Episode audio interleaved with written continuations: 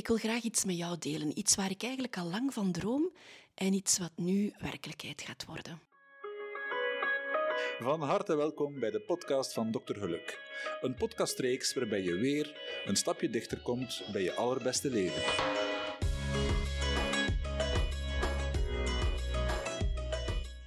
Welkom waar je ook zit, waar je ook ligt en als je onderweg bent, houd dan veilig. Het is deze week twee jaar geleden dat ik mijn eerste drie afleveringen online zette voor de podcast van Dr. Geluk. En aflevering 4, die heb ik gepubliceerd op 17 februari 2022. En dat is tot op de dag van vandaag nog altijd de meest beluisterde aflevering.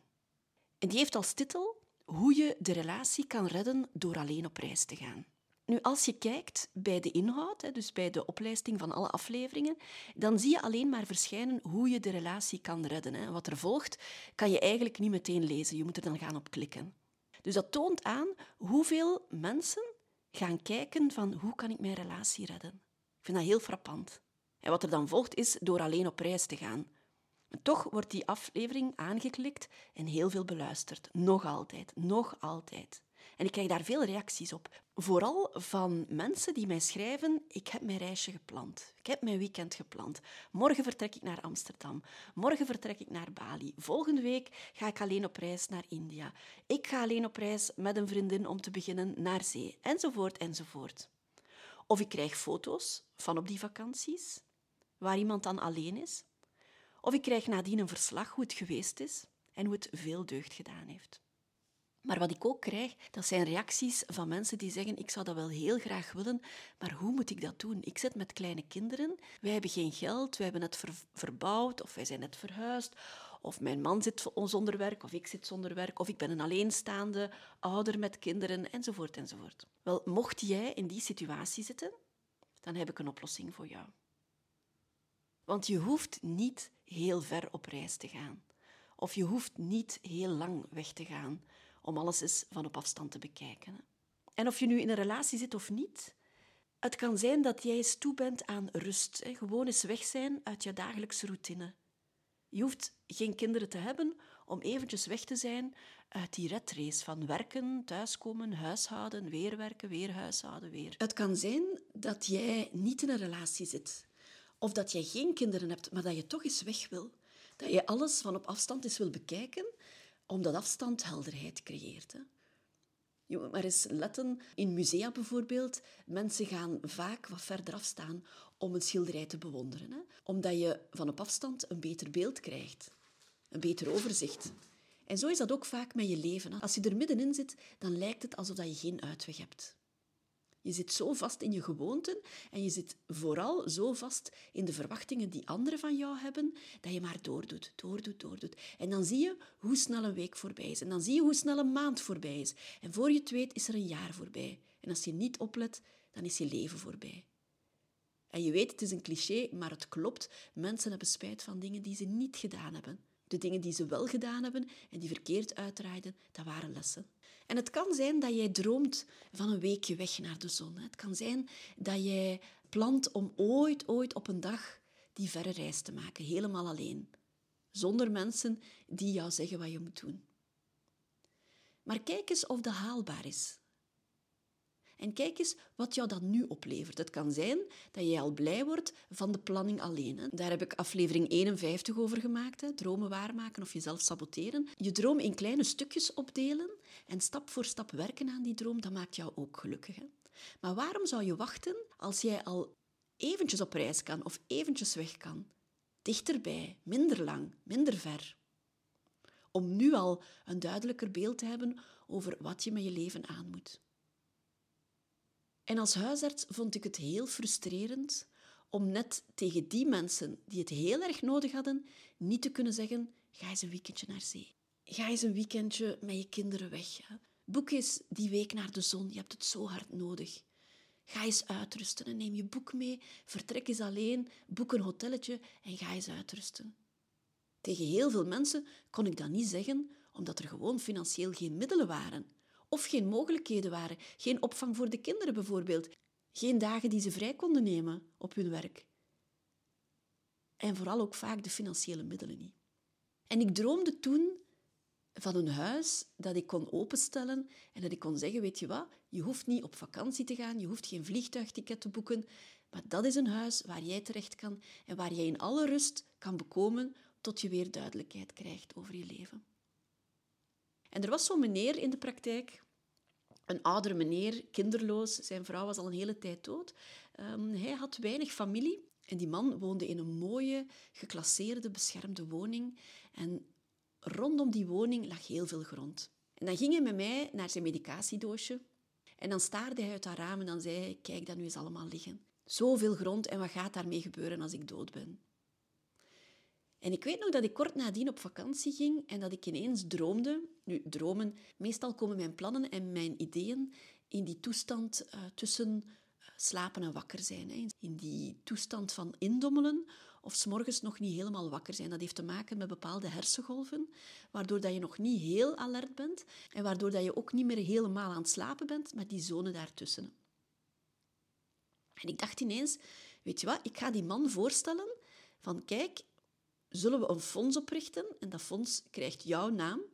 Hij heet toevallig ook Fonds trouwens. En ik zorg ervoor dat daar met dat geld en met die gronden en met die woning, dat daar iets goeds mee gedaan wordt. Hè. Er zijn heel veel mensen dichtbij, in de eigen gemeente, die veel hulp kunnen gebruiken.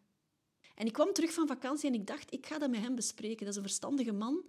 Misschien valt hij daar wel in. Iedereen wil eigenlijk herinnerd blijven na zijn dood. Niemand wil vergeten worden. En als je dat dan kan doen door aan een goed doel verbonden te blijven, dan heeft dat wel iets. En ik dacht, ik ga mijn stoute schoenen aantrekken en ik ga dat met hem bespreken. Het is niet voor mij, het is om anderen te helpen, maar ik kan het wel faciliteren, ik kan het wel op de rails zetten. Met hem samen.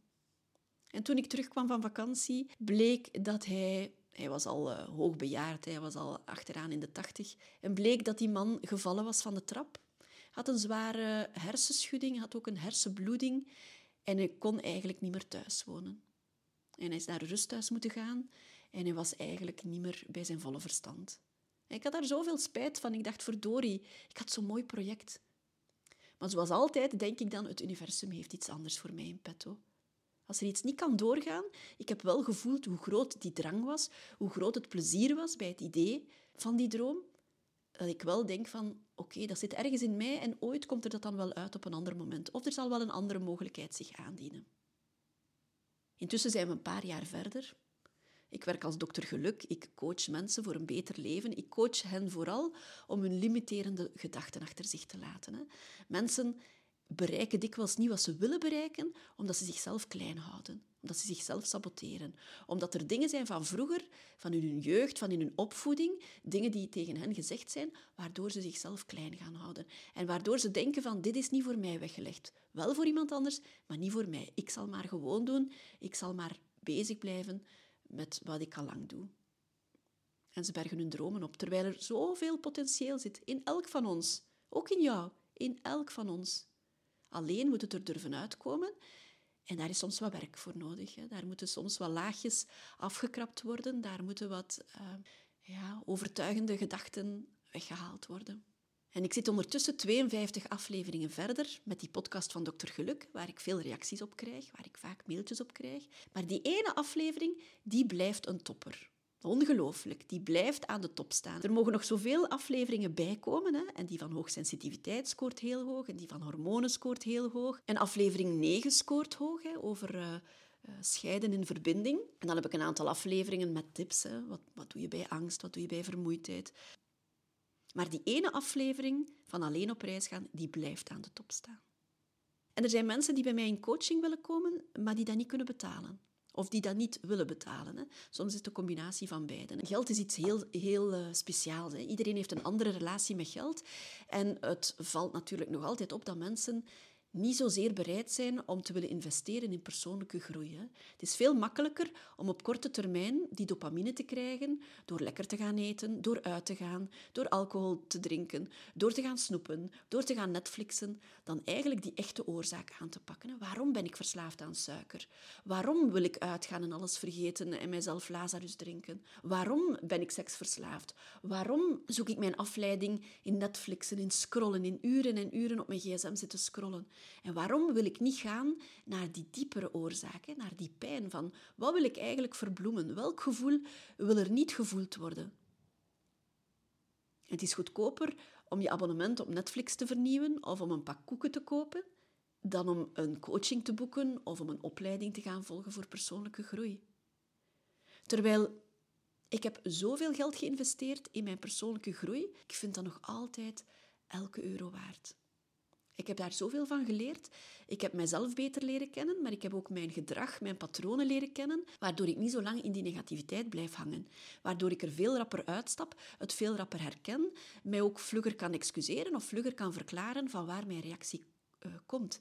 En daardoor ga ik het niet op iemand anders gaan steken. Ik ga niet in mijn slachtofferrol blijven. Hè. Ik ga mijn eigen aandeel zien, waardoor ik veel minder conflicten heb dan vroeger met andere mensen. Met familie, met vrienden. Het duurt even om te leren om te gaan met kritiek. Maar eens je doorhebt dat kritiek jou doet groeien, dat het eigenlijk heel waardevol is als mensen jou wijzen op dingen die fout zijn, dat dat een enorme groei betekent. Als je tips krijgt over je relatie, hoe je je relatie kan verbeteren, dat is toch zo waardevol. Want als je niks over je relatie leert, als je niks over jezelf leert, dan blijf je diezelfde fouten maken en dan blijft het niet werken. Hè? Je kan veranderen van de relatie, maar je gaat jezelfde fouten tegenkomen. Je gaat jezelfde patronen herhalen. Ik blijf regelmatig bij de psychologe gaan. Zij doet psychoanalyse. Ik vind dat interessant. Ik denk niet van, oh, ik moet daar weer naartoe. Ik denk, ik mag er naartoe. En wat gaat ze nu weer vertellen over mij? Ik vertel, ik vertel, ik weet meestal niet op voorhand waar ik ga over vertellen. Hè. Dat komt dan op het moment zelf wel. De ene keer is dat bijvoorbeeld over ehm, hoe ik twijfel over ehm, de opvoeding hè, met, mijn dochter. Ja, dat is toch wel best uitdagend. Hè. Hoe streng ben je? Hoe toegeeflijk ben je? Hoe warm ben je? Hoe aanwezig ben je? De andere keer is dat over mijn relatie. Uh, waar kom ik mijzelf tegen? Waar voel ik mijzelf onzeker over? Waarom zijn mijn triggers weer daar? Waarom ben ik nu ambetant? Waarom kan ik niet verdragen dat er iets gezegd werd? De andere keer is dat over de band met mijn moeder bijvoorbeeld. Waarom triggert zij mij? Waarom uh, ligt het zo gevoelig? Iets van vroeger bijvoorbeeld. De andere keer is dat over uh, het verlies van mijn vader, het, het, het, trouwproces. Dat kan heel uiteenlopend zijn, maar het gaat altijd over de zaken van het leven.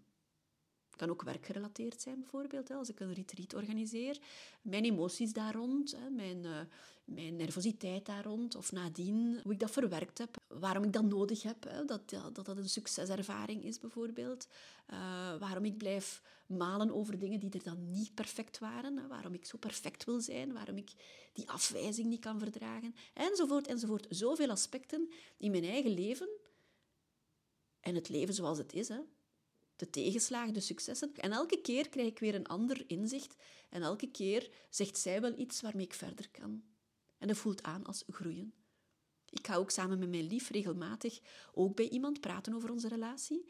Ik had een goede vriend aan de lijn gestrochtend en hij zei, mijn gesprek bij de relatietherapeut is verzet, hè, daarom heb ik tijd om jou eventjes te bellen. Ik zei, ah, wij zijn net geweest vorige week. Oeh, jij ook, zegt hij. En hij zegt dat zo heel verbaasd van, huh, jij ook? Zo precies dat ik iets, een, groot geheim onthuld had. Ik zei natuurlijk, hoe hebben jullie dat ook nog nodig? Ik zei, ja, wie niet? Eigenlijk kan iedereen dat toch gebruiken?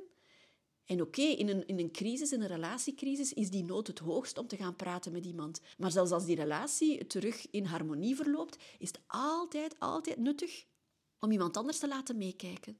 Om iemand onbevooroordeeld, die geen baat heeft bij de een of de ander gelijk te geven, om die zijn licht te laten schijnen op de relatie waar je alle twee in zit. Ik vind dat zo waardevol. Ik heb daar al zoveel reclame voor gemaakt.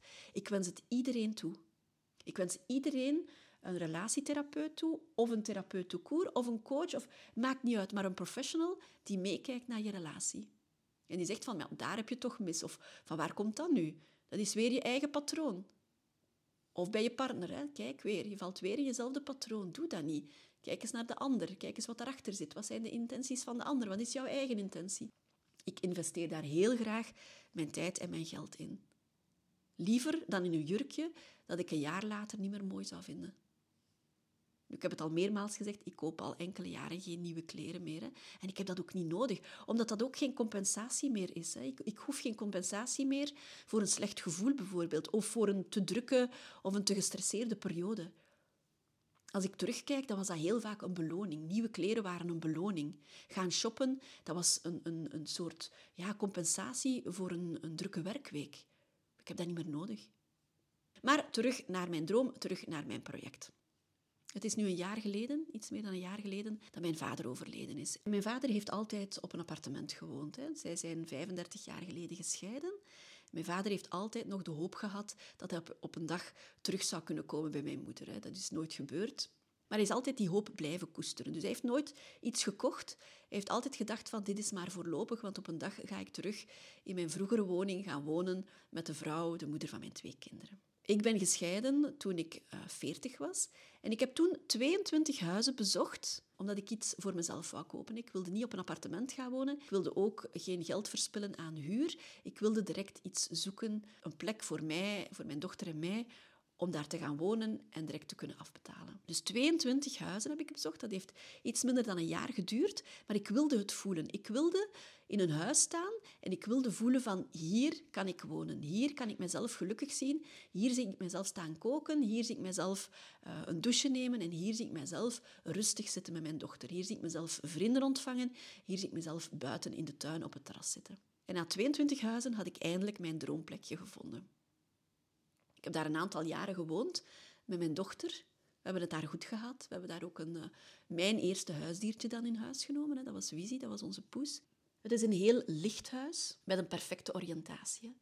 S'morgens uh, bij het ontbijt komt de zon op en schijnt die binnen in de keuken. En in de namiddag schijnt die binnen in de woonkamer. En de hele namiddag en heel de avond is er zon op het terras. Een heel mooie oriëntatie. Ik ben daar gelukkig geweest met mijn dochter. We hebben daar ons plekje gevonden. We hebben het leven met ons tweetjes terug opgepikt. Hè. Ik ben twintig jaar samen geweest met mijn ex-man, met de vader van mijn dochter. Zij was zes à zeven op het moment van de scheiding. En we hebben hier een aantal jaren gelukkig gewoond. Hier zijn veel vrienden over de vloer gekomen. Hier zijn uh, uh, feesten gehouden. Kortom, we hebben hier graag gewoond. Maar toen heb ik mijn lief leren kennen. En mijn lief heeft drie kinderen. En toen hebben we samen gezocht naar een woning waar we samen met onze vier kinderen konden wonen. Dat was vlak voor corona. De week voor de lockdown hebben wij onze droomwoning gevonden en uh, konden wij in de maand mei verhuizen. En voor mijn vader was het ideaal, want mijn vader kon toen in het huis van Johanna en mij komen wonen. Die had eindelijk terug een tuin. Uh, die heeft een serre geplaatst. Mijn vader heeft een aantal gelukkige jaren gehad waar hij elke dag, elke dag in de tuin of in de serre zat. Hij heeft allerlei groenten teruggekweekt, zoals vroeger, toen hij nog bij mijn moeder woonde. En hij woonde hier graag. Ook voor hem was dat een open huis, waar het schuifraam altijd open stond en waar er veel vrienden over de vloer kwamen om bij hem uh, te komen eten. En mijn vader kookte graag. Er was altijd wel iemand, er was altijd wel de zoete inval. Nu, vorig jaar is hij gestorven en het huis kwam leeg. Een tof huis, een licht huis, niet te groot. Alles wat er uh, moet zijn, is er. En toen realiseerde ik mij plots dat ik voor mijn project al een huis had. Dat hoefde niet die beschermde woning van die rijke meneer te zijn, die rijke kinderloze meneer met al zijn bezittingen. Het hoefde niet zo groot te zijn. Ik kon het hier ook waarmaken. En vandaar dus mijn project. Het huis dat ik aanvankelijk kocht om er met mijn dochter alleen in te gaan wonen, zou ik graag openstellen voor mensen die heel graag eens alleen willen zijn. Een korte periode, niet te lang, niet te ver, dicht bij huis, hè, voor mocht er iets zijn. Mensen die bijvoorbeeld kinderen hebben en die toch wel uh, niet afhankelijk willen zijn van een vliegtuigticket. Stel nu dat je een uh, mama bent en je wil er eventjes alleen op uit. Nu, als jij een ticket boekt naar de zon en je partner of je mama of de baby zit of eender wie belt jou dat je kind ziek is, dan ga je daar misschien hoogstwaarschijnlijk niet meer van genieten om zo ver te zitten. En is het veel makkelijker om in de buurt te zijn en om gewoon je auto te nemen of om opgehaald te worden en direct bij je ziek kind te kunnen. Ook het is veel goedkoper om uh, dichtbij een korte vakantie te nemen en aan een zacht prijsje weg te kunnen. Een paar dagen. Um, je hebt hier alles wat je nodig hebt. Hè. Uh, het enige wat je hoeft mee te brengen, dat is je toiletzak, je slaapgerief. Maar hier zijn opgemaakte bedden, hier staan uh, kruiden in de kast. Hier is een terras, hier zijn meubels, hier liggen handdoeken. Dus je hoeft eigenlijk niet veel mee te brengen. Hè. Hoe zorgelozer, hoe beter. En je kan hier gaan wandelen. Hier is veel groen in de buurt. Dus mijn voorstel voor jou is, als je er eventjes uit wil, en je hebt niet veel budget en je wil in het binnenland blijven, contacteer mij dan. Dan uh, bespreek ik dat met jou. Wanneer je kan komen, hoe lang je komt, wat je bijdrage is. Verhuur dit huis liever niet aan iemand die er een aantal jaar aan één stuk blijft wonen. Ik wil het dan liever houden als noodoplossing of als hulp, hè, dat klinkt beter, als inspiratiebron voor mensen die er eventjes uit willen. Hè. En hoe fijn zou het zijn om nadien de, de, verhalen te horen van kijk, ik heb daar een inzicht gekregen. Of die tijd daar heeft me deugd gedaan. Ik heb goede herinneringen aan je huisje. Het was daar fijn, het was daar rustig. Ik ben terug tot mezelf kunnen komen en ik ben vertrokken naar huis met nieuwe inzichten. Het heeft me deugd gedaan en ik kan er weer tegen. En dat is veel haalbaarder dan een week naar de zon te boeken. Stel je voor, je bent iemand die heel plichtbewust is. En de hele week sta je klaar voor anderen. Hè? Voor de mensen die op je werk iets van jou verwachten. Maar misschien is dat dan thuis net hetzelfde. Maar misschien loopt dat thuis ook door. Hè? Heb je kinderen? Heb je een partner? Of heb je geen partner? Sta je er alleen voor? En elke keer weer is dat moeten en voortdoen en voortdoen en voortdoen. En weet jij niet meer wat je zelf wil. Je bent jezelf verloren. Je bent verleerd om te gaan dromen. Want de orde van de dag roept. En elke dag is meer van hetzelfde. Werken, huishouden, slapen. Werken, huishouden, slapen. En als er kinderen zijn, is het werken, huishouden, huiswerk, hobby's, slapen. En het weekend hetzelfde. En wie ben jij nog? En wat wil jij nog? En als je relatie hebt, hoe zit het met je relatie? Kan je elkaar nog missen? Kan je nog zien waar je voor gevallen bent? Of zitten jullie elke dag te kibbelen omdat jullie alle twee zo, zo leeg zijn van die dagelijkse sleur en zo moe zijn? Je weet dat je dag best opdeelt in drie delen. Hè? Acht uur werken, acht uur ontspanning, acht uur slapen. Kom je daaraan? Als jij jaar na jaar inboet op dat slapen, hoe moe moet je dan wel niet zijn? Hoe weinig energie, hoe weinig fut moet je dan wel niet hebben? Als jij zo diep in het rood gaat voor je slaapbehoeften. Hoe zit het met die acht uur ontspanning? Kom je daar nog aan? Of is dat gewoon werken en kuisen en, en langer doorwerken en, en toch nog een mail gaan beantwoorden? En moeten, moeten, moeten. En hoeveel tijd voor jouw ontspanning is er dan nog? Hè? Jouw hobby's, jouw ontwikkeling, jouw persoonlijke groei. Hoe fijn zou het zijn om eens een weekendje of een paar dagen in de week jou terug te trekken op een plek waar niemand iets van jou verwacht. Waar je eet op het moment dat jij wil eten. Waar je opstaat als jij uitgeslapen bent. Waar je kijkt naar je eigen tv-programma zonder rekening te houden met iemand anders. Of leest zonder gestoord te worden. Of op het terras zit zonder dat er aan jou getrokken wordt van wat gaan we nu doen. Beslis, kies. Gewoon tijd voor jezelf. Om weer tot jezelf te komen, om weer te ontdekken wie jij bent, wat jij wil, wat je anders wil doen. En dan naar huis te keren met opgeladen batterijen. Met nieuwe energie, met optimisme, weer goed gezind. Dus niet alleen hoe je je relatie kan redden door alleen op reis te gaan, maar hoe je jezelf kan redden door alleen op reis te gaan. En dat op reis gaan kan je wat kleiner maken. Kan je zeggen, ik kan mezelf even terugtrekken. Het hoeft niet veel te kosten, het hoeft niet lang te duren, het hoeft niet ver te zijn, maar jij kan jezelf terugvinden door eventjes alleen te bekomen. Dus stel dat jij iemand kent die daar heel veel deugd zou van hebben, iemand in je nabije omgeving. Hoe zou het zijn om die persoon dat voor te stellen? Of beter nog, om die persoon dat cadeau te doen. Stel dat je ziet dat je partner erdoor zit. Stel dat je ziet dat je partner overspoeld wordt door de zorg voor anderen. Dat hij zichzelf kwijt is, hè? dat hij op is, dat hij leeg is, dat hij niet meer kan lachen, dat hij niet meer kan ontspannen. Spreek erover met je partner en stel het voor. Geef ook toestemming. Sommige mensen moeten toestemming krijgen om uit hun rol te mogen stappen, te kunnen stappen. Misschien heeft je partner daar ook al aan gedacht, maar durft hij dat niet voorstellen. Maar stel jij het dan voor. Weet je wat? Ga er eens op uit. Ik doe het hier wel eventjes alleen. Ik ga zorgen dat het hier goed loopt, maar zorg dat jij er eventjes uit bent. Ik heb een oplossing voor jou. Of misschien is het niet jouw partner, maar ben jij het zelf die eraan toe is. Stel het voor, vraag het, bespreek het.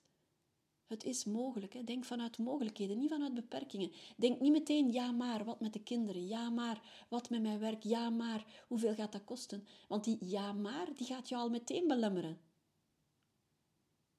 Denk vanuit mogelijkheden. Hoe gaan we dat oplossen? Ga ik daar iets aan hebben? Ja. Ga ik dat doen? Ja. Oké. Wat moet er dan allemaal opgelost worden? Dus zeg het door, vertel het door. Het is haalbaar. En het is nuttig. Het is zo waardevol om eventjes alleen te kunnen zijn. Ik heb dat ook in die andere aflevering verteld, maar ik ben er zeker van.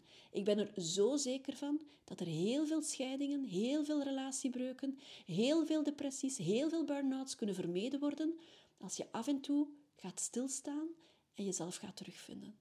Als je af en toe tijd voor jezelf neemt en kijkt van waar zit ik nu? Op welk punt in mijn leven bevind ik me nu? Wat is er goed? Wat kan er beter? Een evaluatie maken met jezelf, met je eigen leven. Hè? Geen functioneringsgesprek op je werk, maar een functioneringsgesprek met jezelf. Wat is er goed? Wat kan beter? Wat heb ik nodig? En wat is er eigenlijk te veel? Wat kunnen we anders aanpakken? Wat kan ik anders aanpakken? Wat heb ik nodig van de anderen rond mij? Het gaat jou zoveel deugd doen en het is mogelijk. Dus kijk eens voor jezelf na. Ben ik daaraan toe? Kan ik dat gebruiken? Ga ik een reis naar de zon boeken?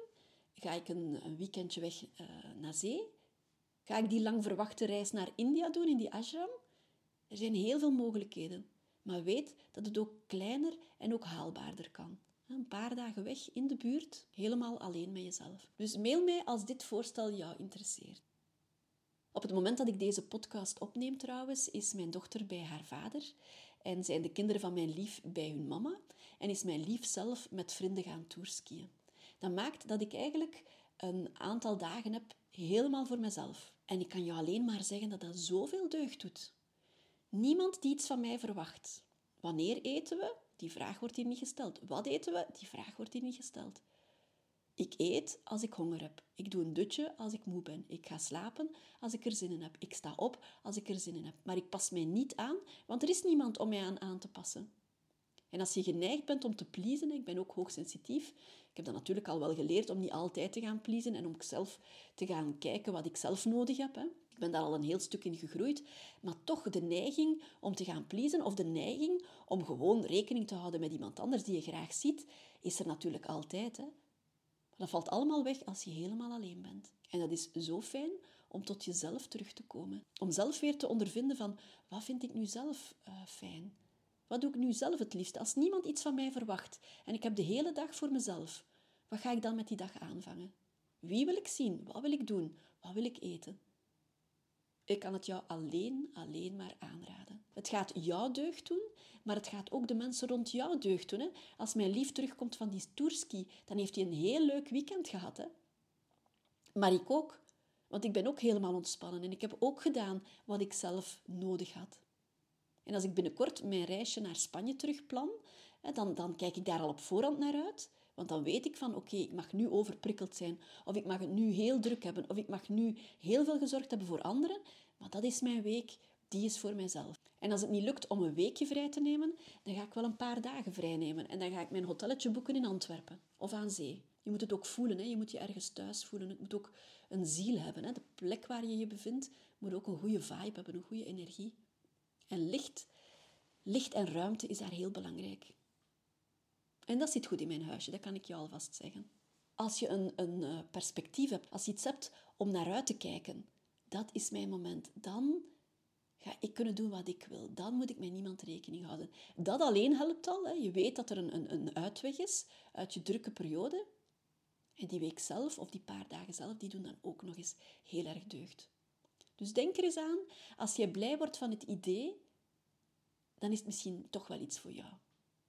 Als je blij bent van het idee, maar je voelt direct heel veel weerstand opkomen, dan is het belangrijk om te gaan zoeken van wat is die weerstand? Wat vertelt die weerstand mij? Is dat dat je het niet durft voorstellen aan je omgeving? Is dat iets dat je bang bent om alleen te zijn? Iets dat je niet gewoon bent? Is het het nieuwe dat je afschrikt? Hè? Iets dat je nog nooit gedaan hebt? Maar denk dan als Langkous. Ik heb het nog nooit gedaan, dus ik denk wel dat ik het kan. Dus weerstand vertelt vaak iets over uh, het onderliggende wat speelt. Voilà, je weet mij te vinden. Weet dat het deugd doet. Waar dan ook, hoe lang dan ook, maar alleen. Hè? Vooral dat alleen zijn. En samen op reis gaan is natuurlijk ook heel fijn. Hè? Familieweekends, een weekendje met je partner, een weekendje met je kinderen weg. Ook die dingen zijn fijn, maar dan ga je weer rekening houden met elkaar. Hè? Dus en, en is niet slecht. En, en is ideaal. Voilà, ik wens je nog een mooie dag en tot volgende keer. Je vindt mij terug op www.doktergeluk.com. Ik heb een Instagram-pagina onder Dokter Geluk, ook een Facebook-pagina onder eh, Dokter Geluk. Laat mij weten wat je ervan vindt. Geef mij tips voor nieuwe afleveringen En abonneer je als je geen enkele aflevering wil missen. Weet dat jij aan het stuur staat van jouw leven. Dat jij de kapitein bent van jouw leven.